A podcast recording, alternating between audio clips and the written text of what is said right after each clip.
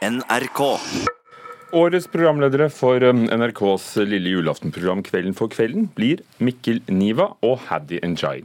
Haddy Njay's bok om hvordan hun opplevde debatten rundt ektemannen, Arbeiderpartipolitiker Trond Giske, skapte debatt, gjorde også Njay's opptreden i TV-programmet Lindmo. Og Likevel mener um, NRK at dette ikke vil skape store reaksjoner at hun får programlederjobben. Det er kvelden før kvelden, og alle er invitert. NRKs Kvelden før kvelden er et populært program med lange tradisjoner. Og de siste tre årene har Haddy Njay ledet programmet sammen med Ingrid Gjessing Linave. I år bekles programlederrollene av debutant Mikkel Niva og Haddy Njay. Jeg tenker at eh, alle vil oppleve eh, Kvelden for kvelden som eh, varmt, inkluderende, morsomt og, og, og interessant. Og hva Haddy gjør som frilanser på andre områder, tror jeg er veldig liten innvirkning på, på dette programmet. Sier underholdningsredaktør i NRK, Shalo Halvorsen. Denne høsten har Njais bok om sin opplevelse av den mye omtalte Trond Giske-saken skapt debatt. Njay, som er gift med Trond Giske, kom med kritikk av både Arbeiderpartiets partiledelse og varslere. I kjølvannet av debatten og Njais intervju i programmet Lindmo har det blitt stilt spørsmål om hun i år ville få programlederjobben. Så er Haddy en uh, frilansprogramleder, så hun gjør ting eh, både som skuespiller og forfatter og litt av hvert, og det har veldig lite med det vi Eh, holder på med i Kvelden for kvelden. Ifølge Halvorsen ble beslutningen om at Njay skulle lede programmet tatt for ganske lenge siden, og at høstens debatt ikke har ført til veldig alvorlige diskusjoner. Vi følger jo med på hva alle gjør til enhver tid, og ikke minst eh, frilansere, naturligvis, som jo har et liv og en jobb utenfor det de gjør for oss. Men det har ikke vært noen sånn eh, veldig alvorlige diskusjoner rundt den. Er dere forberedt på at det kommer, kan komme reaksjoner når det blir kjent at hun skal ha Kvelden for kvelden? Jeg tror ikke det blir mye. Folk flest ser nok veldig at dette er en eh, rolle hun har som programleder i NRK, og så har hun altså som noen andre plattformer ellers i livet sitt. Charlo Halvorsen er underholdningsredaktør i NRK. Haddin Jai ønsket ikke å gi noen kommentar i sakens anledning. Reporter Petter Pettersen.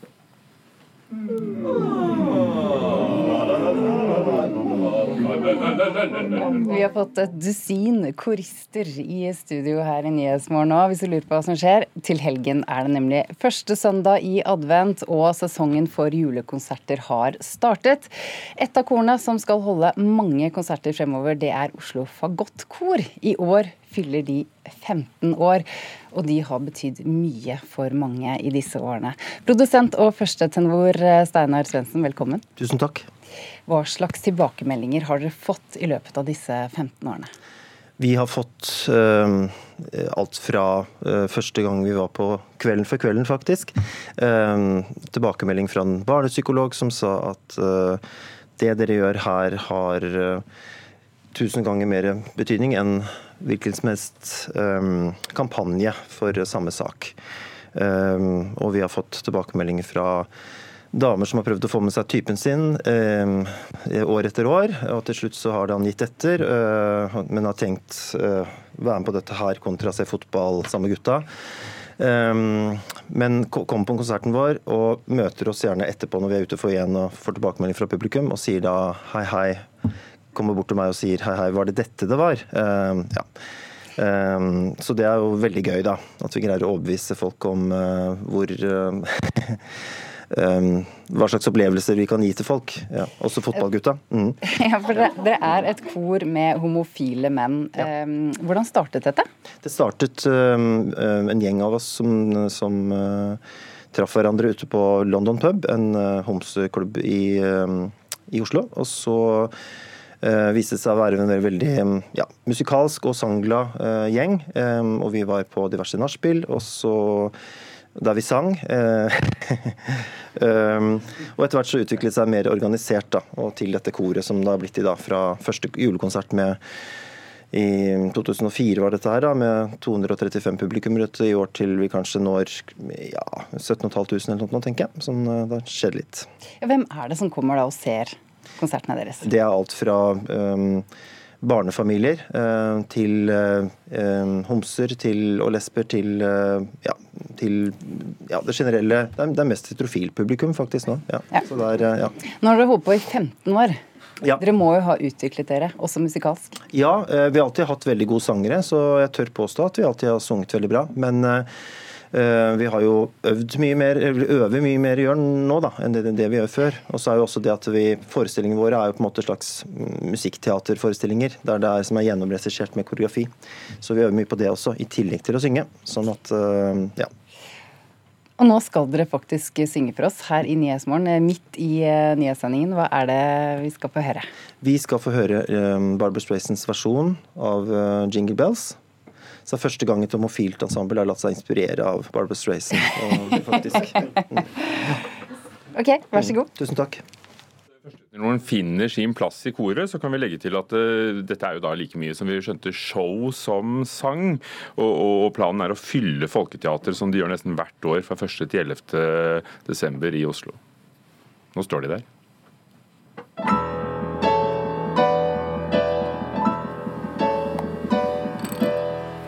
Bells, jingle bells, jingle all the way. Oh, what fun it is to ride in one horse open sleigh. Jingle bells, jingle bells, jingle all the way. Oh, what fun it is to ride in one horse open sleigh. Dashing through the snow in one horse open sleigh. Over fields we go, laughing all the way. Of mountain ring, making spirits bright. Oh, what fun it is to sing a sleighing song tonight. Oh, jingle bells, jingle bells, jingle all the way. Oh, what fun it is to ride in one horse open sleigh. Jingle bells, jingle bells, jingle all the way. Oh, what fun it is to ride in one horse open sleigh. A day or two ago, I thought I'd take a ride.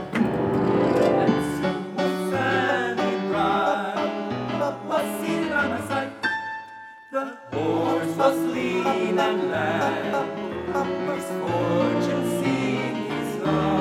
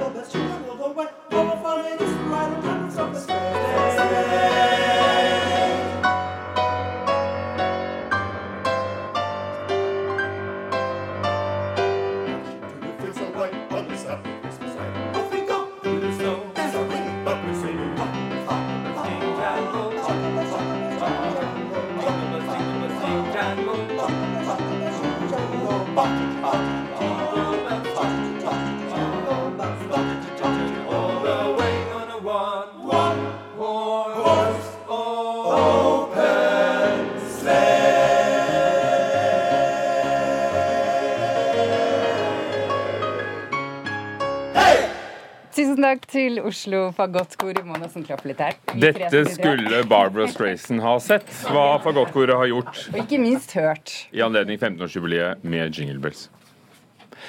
Fra et dusin og vel så det showman til en annen kulturreporter. Øystein Tronsli Drabløs med nyheter fra bokbransjen. Du kjenner kanskje til bokhandlerprisen, Ugo? Ja, tenker tenk jeg gjør det. Det er ikke så verst. Hvis ikke så er konseptet at bokhandelansatte fra hele landet stemmer fram én bok som vinner en pris hvert år. Og det er Klassekampen som i dag skriver at uavhengige bokhandlere over hele landet ønsker mer åpenhet om hvordan stemmene til denne prisen eh, fordeler seg. Og hvorfor gjør de det? Er det noe problem i dag? Det er en eh, bekymring for at eh, flere bokhandlere kan ha kommersielle interesser knytta til enkelte bøker. F.eks. så eier jo forlaget Aschehoug eh, bokhandelen Nordli. Og da ønsker bokhandlerne å vite om de fleste Nordli-ansatte kanskje stemmer på Aschehoug-bøker. Og, og hvem har opplevd dette som problematisk? Annet leder Ane Vatne i Boksalongen i Bergen. Hun sier det at åpenhet rundt stemmene handler om å ivareta prisens troverdighet og legitimitet. Og administrerende direktør Trine Stensen i Bokhandlerforeningen svarer på det at eh, de ikke har tradisjon for det, og at de heller ikke opplever dette som vesentlig informasjon. Og nå til stjernene.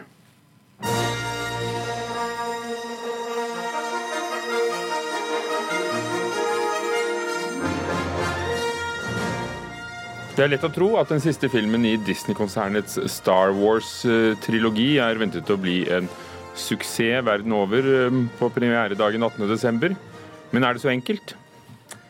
Det er jo spørsmålet. Vil Star Wars ha kraften med seg, eller blir det en stjerners smell? Eh, Nettstedet Deadline eh, melder nå at forhåndssalget til den siste filmen, The Rise of Skywalker, er oppe i 1,9 milliarder kroner i USA. Milliarder kroner, sier jeg vel. Det er, tro det eller ei, en del lavere enn de to forrige filmene i trilogien.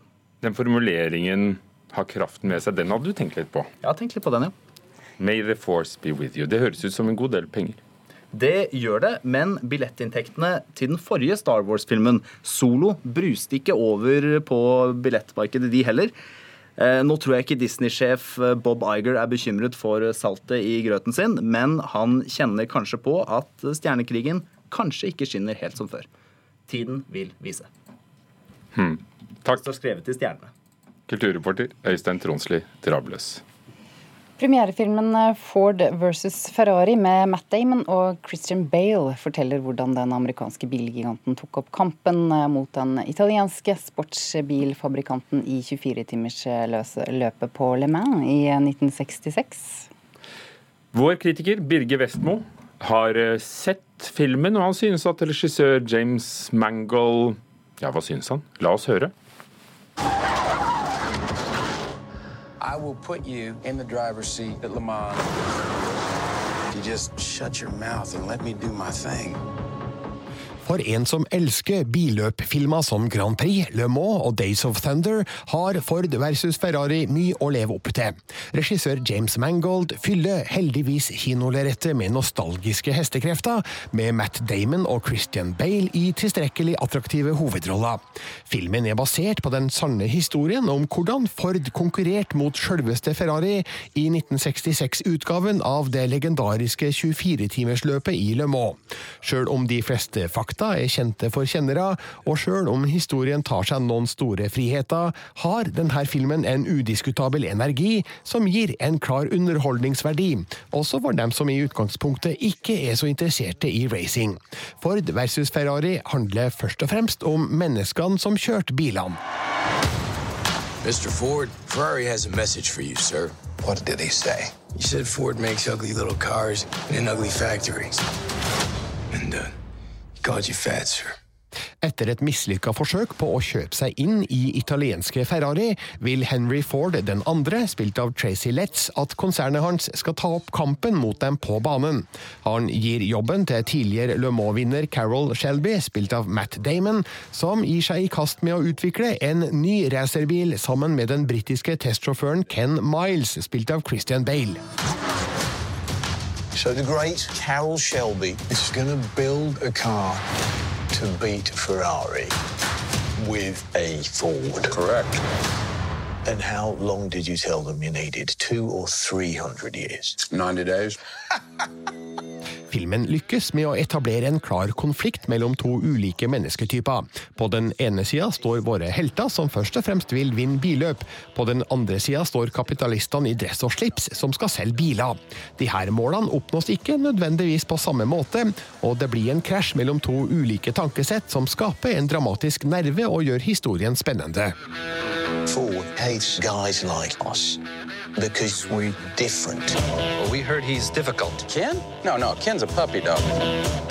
Ford versus Ferrari er heldigvis best på det viktigste, nemlig bilkjøringa.